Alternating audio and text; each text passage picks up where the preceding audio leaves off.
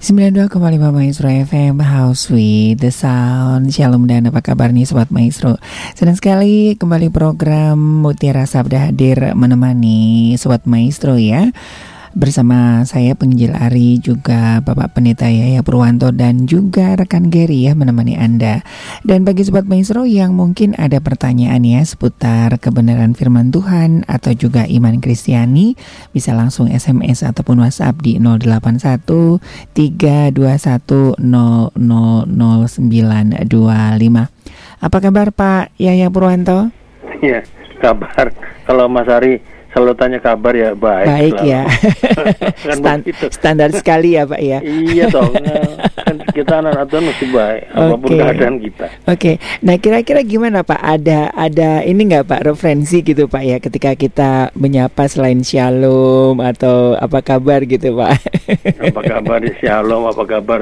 Ya apa pun pokoknya yang penting adalah ucapan-ucapan yang membuat orang lain punya semangat ya. Mm -hmm, apa pun. Mm -hmm saya okay. rasa kita bisa memuji, kita bisa apa ya, artinya yang yang tulus ya. Oke. Okay. Betul-betul, jangan kita mengada-ada. Mm-hmm. Artinya semua semua yang kita lakukan katakan itu dengan tujuan ada pengharapan yang baik bagi siapa pun juga yeah, karena betul, karena betul. Kristus selalu baik buat kita. Betul, betul. Itu masalahnya. Betul, betul. Dan iya, kami berharap program Mutiara Sabda ini tidak hanya uh, menjadi sebuah program semata, tetapi juga menginspirasi kita untuk lebih uh, apa namanya ya, untuk lebih tertarik menggali kebenaran firman ya, Tuhan ya Pak ya dan, dan membawa dan yang penting adalah men menumbuhkan iman, iman kita sampai pada tahap iman yang dewasa. Mm -hmm, mm -hmm, betul, Sehingga betul. kita tidak hanya tidak hanya belajar sebuah logika atau hmm. logia ya, yeah. cuman sekedar kata atau firman, tapi belajar menemukan apa yang terkandung di dalamnya. Betul. Dan kalau kita melaksanakannya pasti, betul, pasti akan baik. baik. Betul, betul. Oke, okay. ya. uh, ini sudah ada beberapa pertanyaan yang masuk ya. Ini Ibu Lani di Arca Manik begitu ya. Ini tentang hidup baru dalam Alkitab ini Pak Yahya. Kira-kira seperti apa ini Pak Yahya? Ini hidup baru dalam Alkitab kalau mau diuraikan panjang. Cukup panjang ya. Panjang. Ya, ya. Karena ini kalau dalam pelajaran iman Kristen itu selalu ada bagian-bagian yang berkaitan dengan uh, terutama dengan kaitannya kan sebetulnya kalau kita bicara hidup baru ini kan hmm. bicara soal dosa sebetulnya. Mm-hmm. Manusia berdosa. Oke. Okay. Ya. Padahal manusia itu diciptakan Tuhan dalam keadaan baik, ya di Taman Firdaus, kemudian bagaimana mereka bisa melakukan semua hal yang bagus ya. Diberkati Tuhan. Nah, tapi ternyata setelah itu terjadi satu dosa kan? Betul betul. itu dosa. Dan dosa itu kemudian puncaknya ada di uh, kejadian pasal 11 mm -hmm. manusia sombong mendirikan menara Babel kan? Iya. Yeah. ya kira-kira gitu. Tapi tapi walaupun begitu Allah itu mengasihi manusia Nah ini di sini, hmm, hmm, di sini dimulailah uh, konsep hidup baru itu. Jadi jadi hidup baru itu adalah yang berkaitan dengan dosa.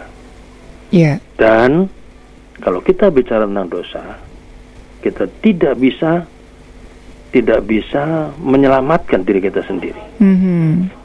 Itu ibarat orang yang kecemplung di laut, nggak ada yang nolong, dia mau berenang sendiri ke tepi. Iya. Yeah. nggak bisa. Iya. Ya, kecuali kalau lautnya cuma satu dua tiga kilometer. Hmm. Tapi 100 kilometer yang nggak bisa jaraknya. Betul. Nah, jadi kira-kira itu. Ya. Oleh sebab itu konsep hidup baru ini adalah sebetulnya karunia yang hanya dapat dikerjakan oleh kuasa Tuhan hmm. melalui Roh Kudus. Ya. Yeah. Jadi jadi Mengapa kok begitu? Ya karena kan kalau kita bicara hidup baru itu kan antonimnya apa? Hidup lama kan? Betul, betul. Hidup lama itu dosa. Iya. Nah, untuk bisa lari ke hidup baru nggak bisa sendiri. Nggak bisa kekuatan hmm. sendiri, nggak bisa. You mau pakai cara apa pun juga, mau berbuat baik, mau apa pun juga keadaan keadaan yang kita lakukan itu tidak mungkin bisa. Hmm. Tidak mungkin bisa. Betul, betul. Jadi kita melihat bahwa di dalam kehidupan manusia itu itu yang tidak yang tidak bisa dilakukan manusia. Mhm. Ya, kita melihat itu. Jadi uh, saya mau mengatakan ini konsep ini penting. Ya. Jadi itu kaitannya Mas. Jadi oleh Betul. sebab itu kalau kita bicara hidup baru, nah itu sebuah sebuah proses dari hidup lama ke hidup baru. Mhm, Itu tadi yang tidak bisa dikerjakan sendiri. Ya. Tapi hanya bisa dapat dikerjakan kalau kuasa Roh Kudus hadir pada kita. Mhm. Ingat kisah tentang eh, Rasul Paulus yang sebelum dia bertobat dia kan namanya Saulus Oh, iya, betul. yang ngejar-ngejar orang Mhm. Kristen, Mhm, betul, betul. Ya toh, menganiaya, membunuh segala macam itu bagian daripada keagamaannya dia yang Mhm. yang seperti itu. Tapi kalau Tuhan mau merubah dia menjadi hidup baru, ya gampang. Iya. Kan dia kalau kalau Tuhan nggak ngerubah itu kan waktu itu tidak mungkin dia bisa hidup Betul, baru. betul. Dia tetap akan menganiaya orang Kristen, mengejar orang Kristen, membunuh. Mhm, mhm. Karena memang sejak manusia diserahkan Tuhan di muka bumi itu, Iya. itu persatuan manusia itu udah nggak ada lagi, Oke. berserak-serak. Lalu terjadi peperangan segala macam kan. Mhm, mhm. Nah ini jadi jadi itu yang saya mau tekankan di situ. Jadi jadi ya hidup baru ini adalah sebuah anugerah Tuhan yang hanya dapat dikerjakan kuasa Roh Kudus, bukan kuasa kita, bukan juga kuasa yang lain. Iya. Ya.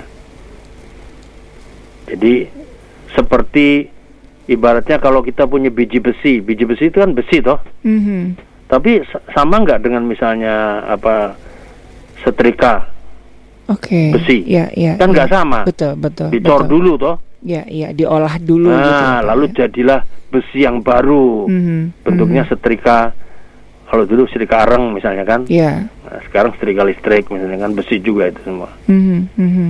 nah itulah saya, saya rasa seperti itu Hidup Jadi yang- ya. Jadi ini ada kesinambungannya dengan eh, kemarin ya Pak ya untuk makna hidup itu ya. Jadi oh iya dimulai dari eh, Tuhan ya Pak ya, bukan Iya. dari eh, kita mereka-rekakan sendiri oh gitu bukan ya Pak iya ya. Bukan kita yang bikin Iya, tujuan iya, makna iya, hidup iya, bukan iya, iya, Tuhan kita itu harus melakukan tujuan Tuhan dalam hidup Mhm, kita mhm. itu loh.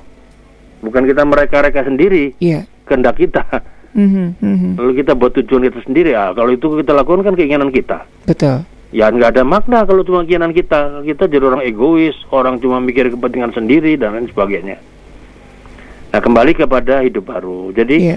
dalam proses karena ini saya katakan tadi proses kan ya proses yang yang dikerjakan kuasa Roh Kudus maka prosesnya prosesnya itu ada beberapa langkah Hmm. langkah pertama apa langkah pertama menyesali.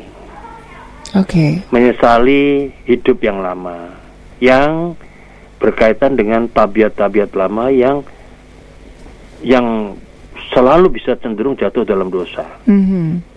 ya. Artinya apa? Jangan nerusin hidup lama stop. Roh Kudus Iya. mengatakan stop kamu. Paulus kamu stop. Makanya stopnya di mana? Ya ketika dia buta toh Hmm. tiba-tiba buta melihat sinar itu kan Iya. karena jadi stop nggak bisa menganiaya orang Kristen lagi Mhm. jangan jahat lah berhenti sadar gitu loh Iya. Ya, kemudian dituntun oleh kuasa Roh Kudus itu kalau Paulus itu kan apa percaya Mhm. Nah, percaya toh ketika ada dikatakan nanti kamu pergi ke sana nanti ada orang di sana yang yang bisa memberi memberikan penglihatan Iya. terhadap matamu kan kira-kira gitu kan Mhm. kan percaya itu berarti kan Betul. kalau kalau kalau Saulus nggak percaya bisa nggak dia melihat nggak kan nggak bisa Betul. Iya kan? Artinya apa? Percaya. Percaya pada Tuhan. Ya. Mhm. Jalan hidup kita berjumpa dengan Tuhan. Dan dalam arti sekarang tentu Kristus ya, Iya. gitu. Sehingga dengan percaya semua masa lalu kita itu dihapuskan. Mhm. Oke. Dan nah itu belum belum belum hidup baru belum. Ini Iya. baru proses Mhm, mendapat mhm, mhm. itu kan proses perjumpaan. Nah, ketika ketika hidup yang lama itu di dilunasi oleh Tuhan, digantikan hidup baru, maka yang ketiga prosesnya apa? Supaya tetap bisa hidup baru, ya prosesnya adalah mentaati seluruh kehendak Tuhan dalam hidup kita. Dalam yeah. Jadi artinya apa? Hidup kita ini harus hidup yang dikuasai, dipimpin oleh Tuhan sendiri. Mm-hmm. Hidup yang kita miliki sekarang adalah hidup yang dituntun oleh peraturan-peraturan Tuhan, oleh tujuan-tujuan Tuhan. Baru itu hidup baru. Oke. Okay. Nah, tapi kan ini kan bisa tergelincir orang. Iya. Yeah. Di proses ketiga. Iya, yeah, iya. Yeah. Kan bisa dosa lagi toh? Betul, betul. Ya puji Tuhan. Kalau kita dosa lagi karena Kristus sudah datang mengampuni dosa kita, merekonsiliasikan dengan sempurna dosa-dosa manusia dan dunia ini, maka kita hanya datang pada Yesus hanya dengan proses yang sama, mulai lagi. Mm-hmm.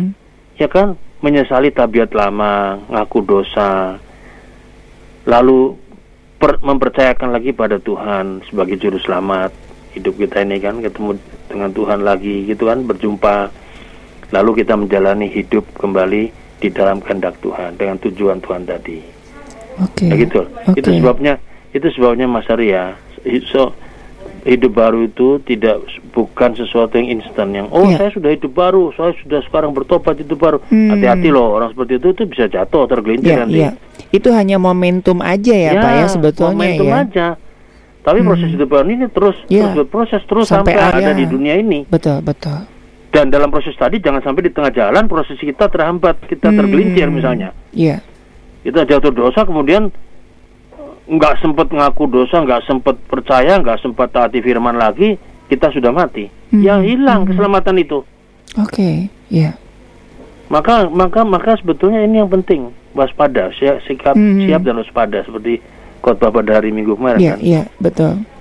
Itu ini ini masanya masa kritis. Yeah. Zaman krisis sekarang ini. Menanti Tuhan datang kembali itu. Siap sedia. Jangan main-main. Mm -hmm. Jadi jalani hidup di dalam ajaran firman Tuhan. Oke. Okay. Lah tanda-tanda hidup baru itu tandanya apa ya ada buahnya. Hmm. Ya itu yang seperti buahnya ada di mana? Di, di Galatia itu nah, ya, Galatia 5:22. Ya, buah roh ya itu. kan? Nah, kalau kita sudah hidup baru, apa sih rahasia hidup baru? Hidup baru itu rahasianya kan hidup kelemahannya orang hidup baru itu kan harus hubungan terus sama Tuhan. Hmm. Yeah. Gak bisa hubungan sama setan lagi kan nggak bisa. Betul betul. Harus sama Tuhan. Rahasianya di mana? Jadi ya doa komunikasi dengan Tuhan itu. Ya. Yeah. Itu rahasia hidup baru doa itu. Ya, Yohanes, buat orang Kristen. Yohanes 14 15 itu Pak ya itu ya, kan ada ya. jadi manusia baru gitu Pak ya. Ya, kira-kira gitu loh. Hmm, hmm. Jadi manusia baru itu terus berkomunikasi sama Tuhan, dengan apa? Dengan doa. Hmm. Itu sebabnya rahasia hidup baru kuncinya ada di doa. Iya. Yeah. Itu. Betul. Nah, saya rasa itu betul yang bisa saya sampaikan. Betul, betul. Jadi ini uh, saya menggarisbawahi bahwa hidup baru ini bukan sebuah uh, momentum ya, tetapi ini sebuah proses yang panjang ya, ya jangan terus menerus. Ya. Terus menerus. Oke. Okay. Karena okay. manusia tuh sepanjang hidupnya kan terus menerus jalani hidup yang hmm. jatuh bangun jatuh bangun jatuh bangun terus. Iya, yeah, iya. Yeah. Tapi puji Tuhan Yesus datang mengampuni dosa kita. Betul. Betul. Makanya itu. maka jalan keselam, jalan untuk menuju manusia baru itu dibuka terus sama Tuhan. Iya. Ingat satu Yohanes pasal 1 ayat 9 10 kan? Hmm. Jika kita hmm. mengaku dosa kita Ya. Betul, betul. Maka Allah itu setia dan adil sehingga dia akan mengampuni segala dosa kita dan menyucikan hmm. dari segala ke kejahatan. Kejahatan. Nah, itu awal okay. daripada proses hidup baru tuh. Betul, betul. pertamanya. Betul, Setelah betul. itu kita percaya, mempercayakan pada Tuhan, jalan hidup kita ketemu Tuhan.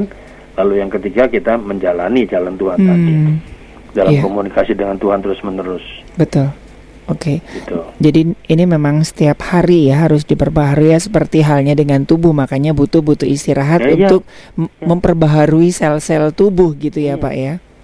Oke. Okay. Sel-sel tubuh kita kan selalu baru kan tiap hari. Iya, kan? iya. Sel selamanya mati toh. Betul, betul. Hilang. Betul. Digantikan sel baru. Betul. Demikian juga jiwa kita juga sama sebetulnya. Mm -hmm. Kerohanian kita. Iya. Ya kan harus mm -hmm. begitu. Uh, kalau selama tapi selama hubungan kita dengan Tuhan itu jalan terus bagus dalam rahasia doa tadi ya. Iya. Nah, saya rasa kita ada di jalan hidup baru terus. Betul, betul. Harus nempel ya. Ya. Harus nempel uh, di seperti Yohanes 14 gitu ya. Jadi Di luar aku kamu gak bisa apa-apa bisa apa-apa. Ya, Ya betul. Mas Tari, Betul, coba betul, Pak. coba Mas Tari lihat, kita lihat hidup kita ya. Mhm. Kalau kita lihat seorang seekor ikan, ya Hmm. hidupnya hidupnya di mana? di air, Pak Air. ya. Coba ya. kalau taruh di darat, nggak bisa. ya. Air itu yang memberi kehidupan dia. Kecuali Se- ikan asin, se- Pak. Sebuah tanaman, di mana hidupnya? ya, Di, di tanah, betul, betul. Memang sekarang dengan teknologi bisa di air. Iya, Tapi airnya ya. dibuat itu apa namanya itu pun seluruh komposisi itu haranya ada seperti nutrisi, tanah kan. betul, ada nutrisinya dipindahin. Nutrisinya harus seperti tanah Iya, kan. iya, betul. Nah, iya kan? Mhm. Yang nggak lazim lah itu sebetulnya. Itu hanya Iya. teknologi aja ke kepintaran Betul. orang. Betul, betul. Harusnya tanah sebetulnya. Mhm, mhm. Kalau yang betul. Dia Mhm, hidup karena tanah. Nah, manusia dari mana? Dari tanah? Dari air kan tidak. Iya, Sumbernya siapa? Tuhan kan. Tuhan, betul, betul. Kalau dia nggak ada dalam Tuhan, nggak bisa hidup. Mhm, mhm. Matilah dia. Ya, Tidak bisa hidup baru. mhm, mhm. Gitu loh. betul, betul. Maka maka dikatakan di Alkitab kan hubungan manusia dengan Tuhan itu seperti apa? Pokok anggur dan carangnya carang. ya. oke. Carang mana bisa hidup sendiri? Betul. Yang kasih hidup batang, Mhm, mhm. pokok Pok- ya. anggur yaitu Kristus. Allah lah yang memberi hidup pada kita. Mhm. Ya ini ilustrasi sangat bagus ini, Mas. Betul, betul, betul. Hati-hati manusia jangan merasa diri sombong, Mhm, lalu merasa bahwa saya bisa hidup nggak pakai Kristus bisa, mati anda. mhm, mhm.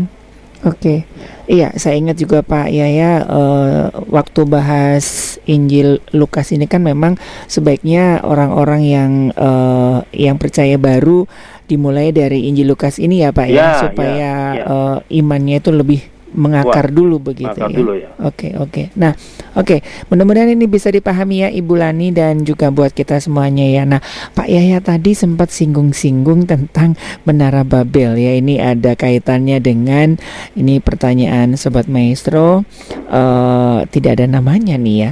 Ini tentang eh oh ini yang ketiga ya dari Pak Aan. Pak Aan di Sukajadi nih, biar nyambung dulu begitu ya tentang Menara Babel dalam kejadian 11 nih Pak, juga tentang Tuhan menyerahkan ke seluruh dunia gitu. Ya, jadi eh, coba kita lihat, kita lihat ceritanya ya. Iya. Jadi dosa umat Tuhan itu di wilayah Sinear itu adalah apa? Ketika ada keinginan untuk menguasai dunia Hmm. Dan mereka mau mencoba terlepas dari Allah, Oke. baik dal- dari kesatuan secara struktur, organisasi, secara kuasa, secara keberhasilan, ya, itu mau lepas dari Allah. Mereka menganggap bahwa kesatuan itu nggak perlu. Hmm. Pusatnya cuma kami manusia. Iya. Allah itu nggak penting. Kira-kira gitu. Hmm. Jadi di sini, ya, keinginan itu sebetulnya dilandasi cuma satu tujuan, yaitu apa? Kesombongan dan mau lepas dari Allah. Hmm. Iya.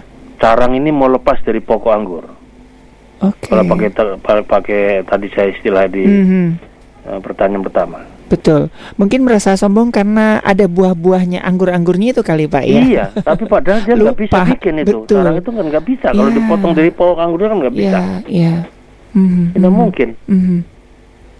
Ya. Iya, iya. Nah, jadi menara Babel ini adalah upaya Allah membinasakan, memotong ini semuanya, Hmm.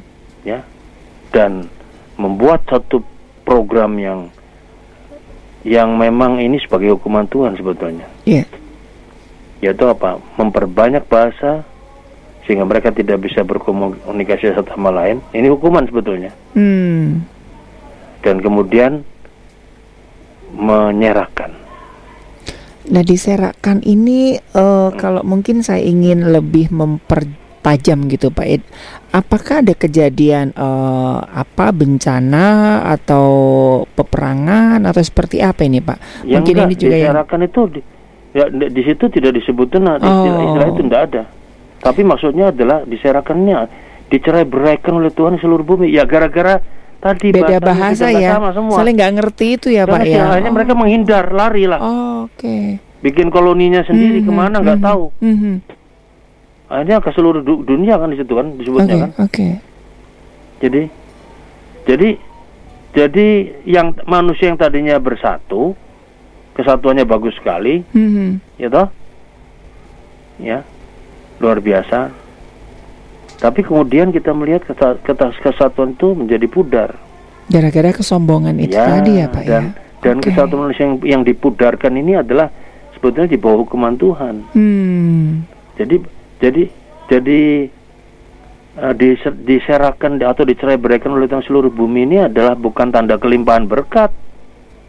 Oh. Dengan bahasa banyak bisa Iya, bahasa iya, macam-macam. iya, iya. bukan. Ini beda dengan kalau yang sekarang mungkin kalau ada satu saya misalnya Mas Ari bisa bahasa eh, Jawa. Inggris Jerman Prancis bahasa Tio- Chinese Hehe. Mandarin bahasa Spanyol. Kan oh itu kelimpahan berkat itu berarti Mas Ali ya hebat berarti kan kan berkat Tuhan itu kan Mhm, tapi di sini di, di sini adalah bukan kelimpahan berkat loh ini Hmm.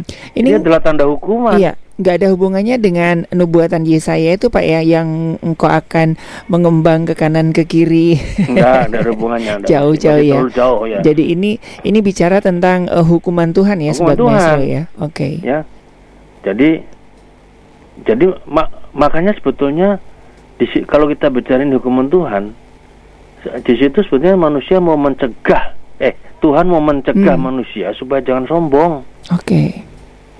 ya Oke. kalau kamu sombong ya akibatnya apa akibatnya seperti ini Mhm. dimulai dari menara Babel ini yaitu apa di mana awal manusia bangsa-bangsa saling bersaing dan akhirnya nanti akhirnya nanti berperang Iya, iya betul betul. karena ini terjadi persaingan ketika mereka bahasanya sudah beda-beda semuanya nggak ngerti semuanya mereka mulai bersaing kan Mhm, mhm. ada persaingan tadi Betul. tapi itu tanda hukuman Tuhan supaya manusia tidak tinggi hati nah Mhm. Tetapi di balik hukuman ini, Mas, coba kita lihat ternyata ada juga kehendak Allah untuk menyelamatkan. Itu loh. Ya Oke. kan? Seperti waktu Nabi Nuh kan juga sama. Mhm. Hukuman ma- buat manusia yang nggak mau percaya, ya, tapi ada upaya menyelamatkannya, yaitu keturunan Nuh dan anak-anaknya, kan gitu kan? Betul betul. Demikian juga ini, ya. Mhm, Dan mhm. jawabannya tidak ada di Menara Babel. Jawabannya adalah di kitab Kejadian pasal 11 ayat yang berikutnya. Mhm. Kalau kita baca pasal 11 mulai ayat yang 10, ta- itu kan Menara Babel kan Kejadian 11 ayat 9 sampai ayat 9 kan. Betul betul betul Pak. Lalu, lalu kita melihat pada pasal pasal 11 ayat 10 sampai 26 itu di situlah mulai ada keturunan Sem, Hmm. gitu loh. Mhm, Sem mhm. Sem Sem sampai akhirnya ditutup dengan kat, ditutup dengan ini ya setelah Tera hidup 70 tahun ia memperanakan Abram, Nahor dan Haran. Dan lalu kemudian di sinilah mulai mulai apa? Bahwa Tuhan itu ternyata bukan hanya menyerahkan memberi hukuman tetapi juga ternyata Tuhan itu juga Tuhan yang menyelamatkan dengan kehendaknya. Mhm. ya. Sehingga kemudian dipa, diambillah satu tokoh manusia Abram. Iya. seorang manusia yang kafir pada mulanya tapi dipakai menjadi nenek moyang Israel dan umat manusia yang percaya Hmm. kira-kira begitu Oke. jadi ingat kalau kita bicara menara Babel ini ada ada ada bagusnya juga kenapa Mhm, mhm. di situlah mulai eh, ditunjukkan bahwa Tuhan memilih satu orang lagi Oke. membarui hidup manusia lagi. Satu orang dipakai Tuhan, manusia kafir, dipakai jadi nenek moyang Israel Hmm. dan umat manusia. Yang nanti kemudian ada Yesus yang jadi juru selamat kan? Iya, iya. Kira-kira begitu. Iya, jadi kalau dilihat dari si, eh, sisi eh, antropologi ya Pak ya, jadi Hmm. artinya Menara Babel ini bisa dikatakan sebagai awal tersebarnya eh, ras manusia di Iya. seluruh bumi ini ya Pak ya. iya. Ras manusia seluruh muka bumi Oke. dan ras manusia itu diawali dengan di, diawali mulainya dengan bahasa-bahasa yang berbeda-beda kan. Oke. Ketika Ya. bahasanya ada bahasa yang sama di beberapa orang di situ di wilayah siniar itu, Mhm. mereka kan pasti berkelompok kan. Betul, betul. Nah di situlah mulai mereka membentuk koloni dan kemudian menyingkir karena Hmm. tidak bisa komunikasi dengan Betul. yang lainnya kan. Betul, betul. Ya, Bayangkan dulu tidak kayak zaman sekarang. Kalau zaman sekarang eh, seorang presiden bisa pidato di PBB tapi bahasanya bahasa Bisa ditranslate, kita, ya. tapi Mhm. nanti yang dengarnya bi- bisa bahasa Mhm. masing-masing Mhm. karena sudah ada alat penerjemah Iya, sekarang iya, betul. mesin gitu dipakai di situ terjemahkan langsung pakai bahasanya. Mhm. Iya kan? Iya, Lah di di handphone kita kan juga ada betul. Google itu bisa menerjemahkan Betul, betul. dari bahasa Mandarin, bahasa Inggris, bahasa apa Spanyol, Mhm, mhm. Bisa ke bahasa Indonesia, Betul. sudah bisa. Dulu nggak ada mas, dulu Iya, nggak ada. iya, jadi iya. jadi jadi tujuan manusia yang mau menyombongkan diri tadi dan se- disebut sebagai pemberontakan berat Tuhan, di situ Tuhan menghukum dengan apa? Bukan membinasakan, Hmm. membinasakan orangnya, tapi membinasakan usahanya ini. Dengan cara apa? Bahasa-bahasa diperbanyak, sehingga mereka tidak bisa komunikasi satu sama lain, dan akhirnya akibatnya mereka terserak-serak, tercerai berai ke seluruh muka. Muka bumi. Bumi. Iya, iya. Ya. Betul, betul. Ya, tapi Tuhan tetap sayang pada mereka Mhm, dengan mhm. memanggil kembali akhirnya keturunan dari Sem tadi, salah satunya adalah anak Terah tadi kan, Mhm, Abraham. mhm. Iya, iya. Betul, betul. Wah, ini kalau mau diinin eh apa Pak ya? Saya kebayang dari sejarah Indonesia juga ya. Makanya ada bahasa persatuan. Hmm, ya. Iya, ya bahasa persatuan. Kalau enggak kan nggak bisa. Iya. Indonesia kan bahasanya berapa? Iya. Berapa berapa suku bahasa? Mhm, Ya. mhm, mhm. Pulaunya 17.500 jelas. Iya, iya. Suku, suku bahasanya banyak. Hmm. Nah, itu kan tidak bisa begitu walaupun be- makanya ada slogan kita kan Bhinneka Tunggal Ika kan. Iya. Betul, betul. Betul. Ada satu bahasa persatuan yang kita mulai dari 28 Oktober ya tahun Hmm. 28 kan Mhm, mhm. Oke, dimulai iya. itu.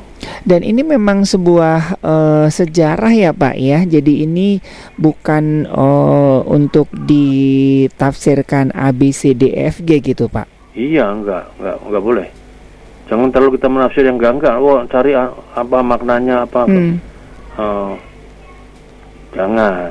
Ya, ya. Ap- apakah ini alegori apa enggak? Apa ini Ya. dongeng apa enggak? Jangan. Kita Ya. percaya bahwa ini Tuhan memang punya rencana pada manusia. Betul.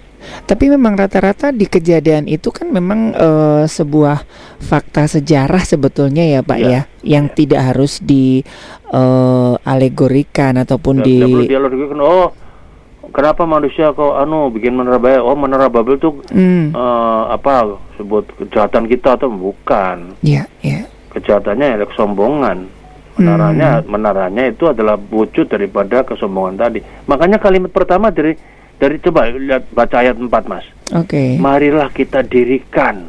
Hmm, Marilah kita cari nama. ya. Oke. Itu kalau pakai dalam terjemahan bahasa Inggris itu maksudnya adalah supaya kita mendapat nama, Mhm. bukan Tuhan yang dapat nama. Mhm, mhm. Ini salahnya di sini nih.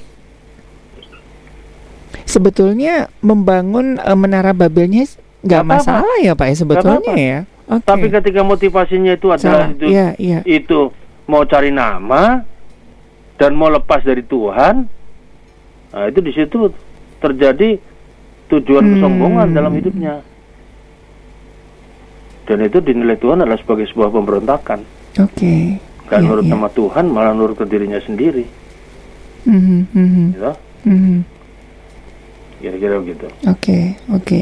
Iya, iya. Iya, oke. Wah, ini indah sekali nih ya. Ini buat eh, Pak siapa ya namanya tadi Pak Aan di Sukajadi begitu ya. Wah, ini itu ada bukunya tebel banget tuh ya kalau ada survei perjanjian lama begitu ya. Jadi itu sangat seru nih. Oke. Baik, kita ke ini yang saya maksud ya, tidak ada namanya ya. Eh, Pak Yahya Mohon penjelasan eh, Lukas 9 ayat 59 hingga 60 nih, Pak. Lukas 9 ayat Lukas 9 coba akan saya bacakan. baca Mas. Lukas 9 uh, ayat 59 dan 60 ya. Ini temanya tentang hal mengikut Yesus. Lalu ia berkata kepada seorang lain, "Ikutlah aku." Tetapi orang itu berkata, "Izinkan aku pergi dahulu menguburkan bapakku." Tetapi Yesus berkata kepadanya, "Biarlah orang mati menguburkan orang mati, tetapi engkau pergilah dan beritakanlah kerajaan Allah di mana-mana." Ini maksudnya seperti apa, Pak? Kok kayaknya um, Tuhan Yesus tidak apa ya, tidak menghargai ya, perasaan orang yang sedang berduka gitu, Pak? Ya saya juga pada waktu dulu gak ngerti ini waktu belum belajar teologi saya hmm. pikir juga sama. Pikiran ya. saya malah lebih tajam gitu. Artinya hmm. apa? Gak nyangka ya, kok Yesus sejahat dari itu, ucapan mulutnya ya. bisa mengatakan itu. Itu kan kelihatannya kasar banget. Betul, kan? betul. Ya, nggak pakai etika. Mm-hmm. Coba bayangkan orang sedang ditimpa kedukaan yeah. karena kematian kok uh, dengan entengnya apa namanya uh, nganggap sepele gitu. Iya, yeah, iya. Yeah. Di, di mana pada saat itu tentunya orang yang menjadi anggota keluarganya kan menyiapkan penguburan jenazah Betul. orang tua sebagai tanda cinta terakhir. Mm-hmm. Ya kan mm-hmm. orang tuanya kan? Iya, iya. Apalagi deh dalam sebuah tradisi uh, Yahudi kematian orang itu kan sangat iya. sakral ya, ya Pak ya. Iya. Nah kemudian ya kan harus menghormati orang tua kan. Iya. Begitu kan. Jadi kalau kalimat itu mau dibikin lebih tajam lagi ya. Yesus mungkin mengatakan mau apa kamu mengurus orang mati? Kan kira-kira gitu. Hmm. iya kan? Iya, iya. Ya dan dan kata-kata ini apa namanya dicatat oleh baik Injil Matius maupun Lukas ya ada di dua ayat itu. Oke. Okay. Di Lukas Matius pasal 8 juga ada kalau Jadi sebetulnya masih ini ya. Sebetulnya ucapan Tuhan Yesus itu untuk pada waktu zaman konteks itu orang Yahudi pada zaman itu ya itu sebetulnya adalah asalnya dari peribahasa Ibrani. Mm. Ya. Mm -hmm peribahasanya begini seperti membiarkan orang mati menguburkan orang mati oke okay. ya peribahasa ini artinya apa berarti suatu perbuatan yang sangat tidak bertanggung jawab tadi mas katakan kan sebab dalam mm -hmm. masyarakat mm -hmm. Yahudi waktu itu mengurus pemakaman adalah satu tanggung jawab keluarga yeah. dan komunitas terutama di saat-saat cinta terakhir kepada mereka yang meninggal itu. Mm -hmm. Jadi melakukan pemakaman secara baik dinilai sangat pantas penting. Iya. Yeah. Ya. Jadi dengan kata lain di dalam masyarakat pada waktu itu tidak ada anak ya dalam masyarakat Yahudi yang menelantarkan pemakaman orang tuanya. Mm -hmm. Ya. Saya, saya, pertanyaan saya untuk Mas kalau boleh saya tanya. Yeah. Yesus tahu betul nggak adat yang berlaku tentang ini bahwa mengubur orang tua yang meninggal adalah perkara yang sangat penting. Sangat tahu ya Pak ya. ya tahu. Melihat Masih dari... tahu lah dia kan ah, Taurat itu belajar dari betul, kecil. Betul. Pinter makanya umur 12 tahun bisa berdiskusi Taurat dengan mm-hmm, ajaran mm-hmm, Tuhan iya, dengan iya. orang-orang Parisi kan. Parisi, betul, betul di bait, betul. Ya. Nah, lalu jadi Yesus kan mengatakan ikutlah aku biarlah orang mati menguburkan orang yang mati. mati. Ya, ya.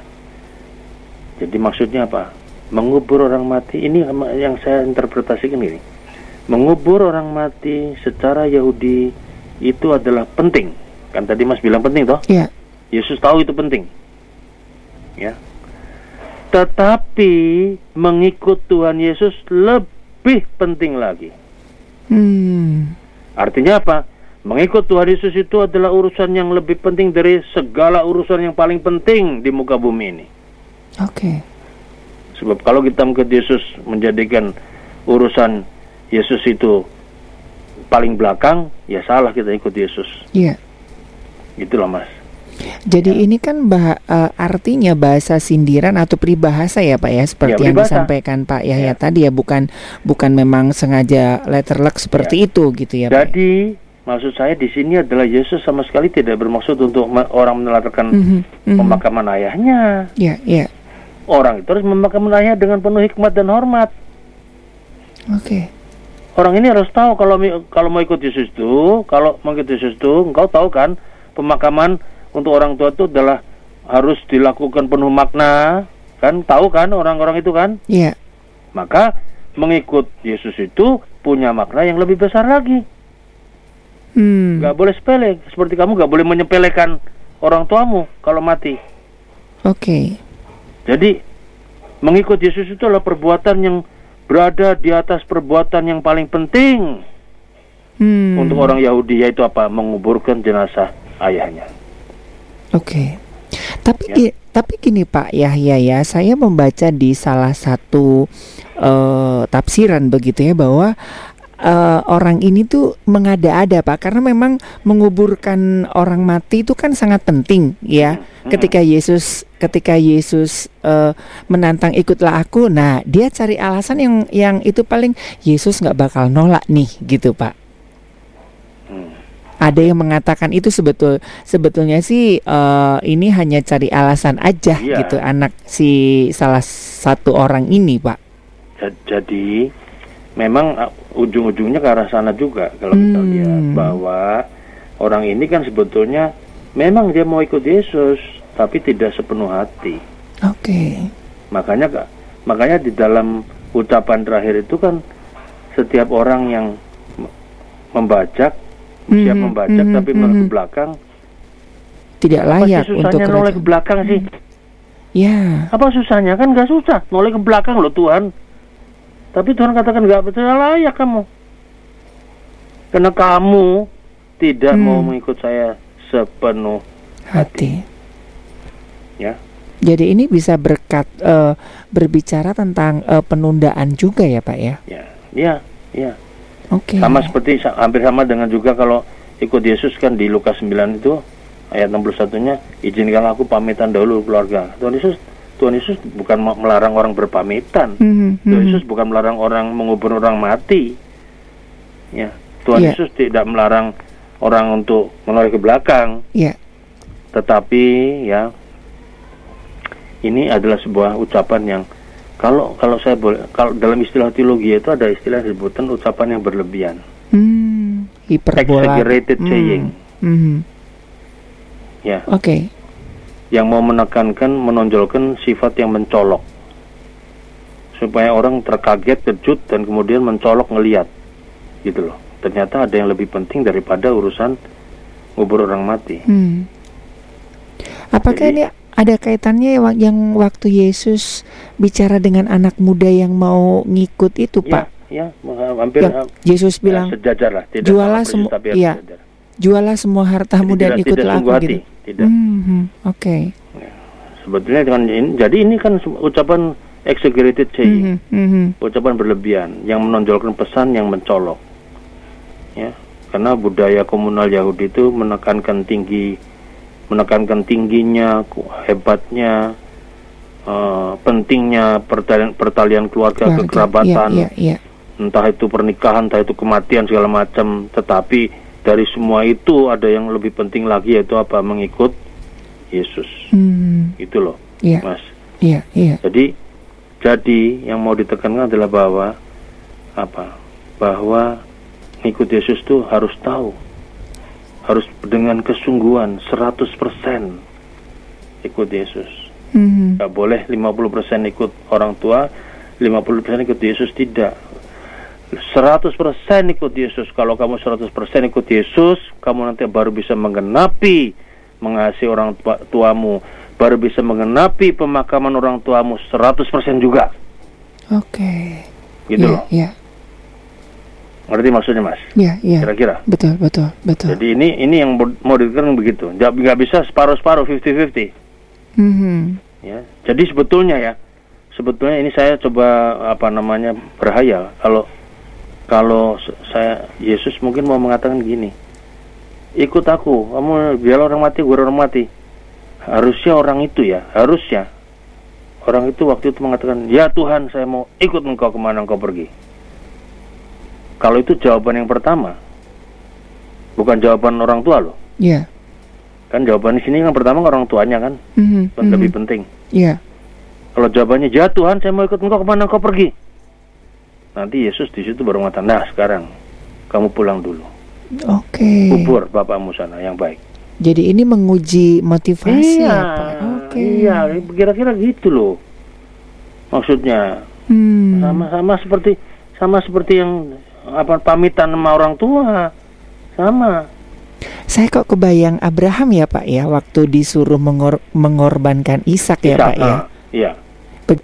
Apa namanya Abraham ngikutin begitu pas mau di Tuhan menyediakan. Ya. Oke. Iya kan? Iya, iya, iya. Yehova apa tuh? Jehovah Zire. Jire, iya. Iya. Yehova Jire. Hmm. Ya kan? hmm. Iya, iya. Harusnya begitu, karena tadi saya katakan ini kan mau menonjolkan menonjolkan pesan menyolok.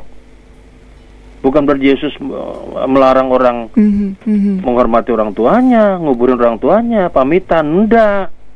Tahu Yesus Yesus orang Yahudi tahu betul dia ada Ya, dia ya, dia, dia ya. juga menghormati Yusuf dan Maria kok sebagai ibunya. Dia tahu. Tapi maksudnya ada ada kepentingan yang lebih penting daripada itu, yang tertinggi nilainya yaitu apa? Hmm. Hal mengikut Yesus. Ya, Ya. betul, Hal betul. mengikut Yesus itu adalah harus ditempatkan pada pikir per, perkara yang paling utama sehingga pikiran, perkataan dan perbuatan kita mengikuti jejak Tuhan Yesus. Sebab kalau kita mengikuti Yesus tidak menempatkan itu di perkara yang paling utama, maka pikiran kita, perkataan kita, perbuatan kita bisa menyimpang dari jejak Tuhan Yesus. Hmm. Oke. Makanya k- kalau engkau mengasihi Yesus 100%, engkau baru bisa mengasihi istrimu, Oke. suamimu, Iya. anakmu, orang tuamu juga 100%. Jadi ini korelasi dengan Matius 6:33 itu juga nyambung kah, Pak? Iya, iya, Carilah ada- dahulu kerajaan disambung. Allah dan kebenarannya gitu, Pak ya. Banyak yang ditambahkan. Iya, betul. Oke, oke. Jadi, jadi jadi sekali lagi jangan ada kesan bahwa seolah-olah Yesus itu ada adalah orang yang kok kasar, Hmm. ngomongnya gitu, nggak senang. Tapi ini Hmm. kan lihat budaya Yahudi waktu itu. Betul. Jadi kita melihat bahwa ini se- semacam apa namanya ucapan yang berlebihan lah, termasuk Hmm, peribahasa hmm, ya, hmm. peribahasa yang waktu itu Ya. saya katakan peribahasanya kan orang semua sudah tahu, ya. Iya. Peribahasanya bunyinya adalah seperti membiarkan orang mati, menguburkan orang mati. Jadi or- kalau membiarkan orang mati, orang mati itu salah besar itu. Iya. Dan Gitu loh. Iya. Nah ini di, ayat ini dipakai oleh Tuhan Yesus dalam uh, ucapan yang berlebihan tadi untuk mem- membuat pesan yang sangat mencolok. Hmm. Itu loh. Dan saya rasa Yesus sudah tahu eh, karakter orang ini kali Pak ya, sehingga kalimat itu dimunculkan Pak ya. Iya. Hmm. Jadi Yesus itu Yesus itu- kedua ucapan Yesus sebetulnya memberikan tantangan kepada orang itu. Oke. Mau nggak kamu ikut saya dengan kesungguhan atau cuma main-main? Hmm. Iya kan? Atau cuma 50%? Nggak bisa. Ya. Harus 100%. Iya kan? Hmm, hmm, hmm, hmm. Coba kita lihat di dalam Injil Matius 10 ayat 37 kan juga ada barang siapa mengasihi bapak atau ibunya lebih daripada aku ya tidak layak bagiku. Ini bukan berarti Oh Yesus iya tidak betul betul. Ini bukan berarti Yesus nggak mau mengajari ngajari kamu untuk nggak boleh mengasihi Mhm. bapak dan ibu bukan, tapi barang siapa mengasihi. Karena kalau kalau kita sudah mengasihi ayah dan ibu kita, lalu kemudian kita mengasihi Tuhan Yesus, maka itu nanti jadi 50-50. ya Malah jadi nggak bener, ya. cuma separuh-separuh, nggak sungguh-sungguh. Mhm, Buat mhm. orang tua juga nggak sungguh-sungguh, buat Tuhan Yesus juga nggak, apalagi buat Yesus lebih nggak sungguh-sungguh, gitu kan? Oke. Ya. Jadi, jadi gitu. Sama Hmm, dengan ucapan jikalau seorang datang padaku tidak membenci bapaknya, ibunya, istrinya, anaknya, saudara laki-laki, perempuan, nyawanya sendiri, ia tidak dapat muridku. Ini sangat sama sebetulnya. Bukan Betul, maksudnya betul. supaya- kita benci, Mhm, mhm. bukan. Ya, bukan. Ya. Jadi lebih fokus utama eh, ini ya kalau misalkan memang kita memang betul-betul uh, untuk Tuhan ya itu pastilah iya. kita akan uh, iya. otomatis ya Pak ya. Jadi sama sekali bukan maksud Yesus mm -hmm. agar orang membenci orang tuanya dan keluarganya bukan. Ini bertentangan okay. dengan perbuatan Tuhan Yesus sendiri. Yeah. Bahkan sampai sampai detik terakhir aja di kayu salib Yesus mengatakan, yeah. iya dia akan memikirkan kesejahteraan ibunya kok. Mm-hmm. Dititipkan ya. Iya dititipkan, dititipkan kan ke ibunya kepada Yohanes, murid yang yeah. dikasihnya. Di, di, di Yohanes 19 kan ada itu. Mm-hmm. Mm-hmm. Iya kan? Ya. Jadi jadi maksudnya apa? Setiap orang itu terikat kepada komitmennya, terutama yang paling utama adalah kepada Tuhan Yesus. Dan ketika komitmen kita pada Yesus sungguh-sungguh bisa dipenuhi dengan penuh, maka di situlah kita baru bisa memberikan komitmen kita kepada adat, kepada adik laki-laki, hmm. pada istri, pada kakak, pada orang tua yang meninggal dan sebagainya. Oke. Okay. Ya. Iya, iya. Wah, in, iya. Ya. Mm-hmm. Di atas di atas komitmen kekerabatan ada komitmen yang lebih tinggi yaitu yeah. apa komitmen yang mau mengikut Ye, Yesus. Yesus. Oke. Okay. Mengikut Yesus adalah lebih luhur dari apa yang selama ini mungkin kita hargai penting di muka bumi ini. Mm-hmm. Dan yang penting itu apa? Menghormati orang tua kan, cinta keluarga kan? Iya. Yeah. Ya. Yeah. Wah ini sangat indah ya dari tiga pertanyaan saling ya, saling berkorelasi nih Pak. maksudnya. Oke, okay, iya. Jadi jadi itu berarti apa saya simpulkan mengikuti Yesus itu meminta komitmen dan kesungguhan 100%. Yes. Ada harga yang harus dibayar. Mm -hmm. Ya kan? Mm -hmm. Dan kekomitmen dan kesungguhan itulah yang kita sedang jalani di tengah-tengah dunia ini. Mm -hmm. Kalau engkau tidak punya komitmen pada Tuhan 100%, tidak mungkin kau akan bisa punya komitmen pada yeah. keluarga, yes. pada adat, pada mm. istri, pada mm. suami, pada mm. apa pun juga tidak ada. Ya. Yeah. Ya, bang. Oke, okay. ya. Ya. Wow, ini indah sekali ya dan uh, semoga ini juga bisa semakin memperkaya kita begitu ya dan kita tetap uh, melekat kepada pokok anggur dan kita mengikut Tuhan 100% maka semua akan ditambahkan. Terima kasih Pak Pendeta ya. Yaya Purwanto. Baik sobat maestro buat Anda yang mungkin uh, ada pertanyaan ya, jadi tidak harus hari Selasa ataupun hari Minggu ya uh, siaran ulangnya setiap hari. Saya mengingatkan ketika anda merenungkan jam berapa mas? Jam Minggu jam sekitar jam 5 sore uh, jam jam 4 jam 4 pak jam 4 jam, jam 4 ya? iya. Hmm. oke okay, jadi jadi sobat maestro setiap hari ya kan kalau anda renungan begitu aduh ini kok kayaknya aku nggak paham langsung nah, kirim uh, ya, bisa ya langsung ditanyakan. Iya, jadi kita bisa, belajar sama-sama. Betul. Ya saya juga belajar betul betul juga belajar sama-sama. betul betul. Kita okay. saling melengkapi ya. Ya ya. Jadi setiap hari Anda bisa mengirimkan pertanyaannya di 081321000925. Baik dari Gram Maestro Jalan Kaca Piring 12 Bandung, saya penginjil Ari, Pak Pendeta Yaya Purwanto dan rekan Gary. Mohon uh, pamit ya. Kita akan ketemu lagi di Mutiara Sabda selanjutnya. Tuhan memberkati.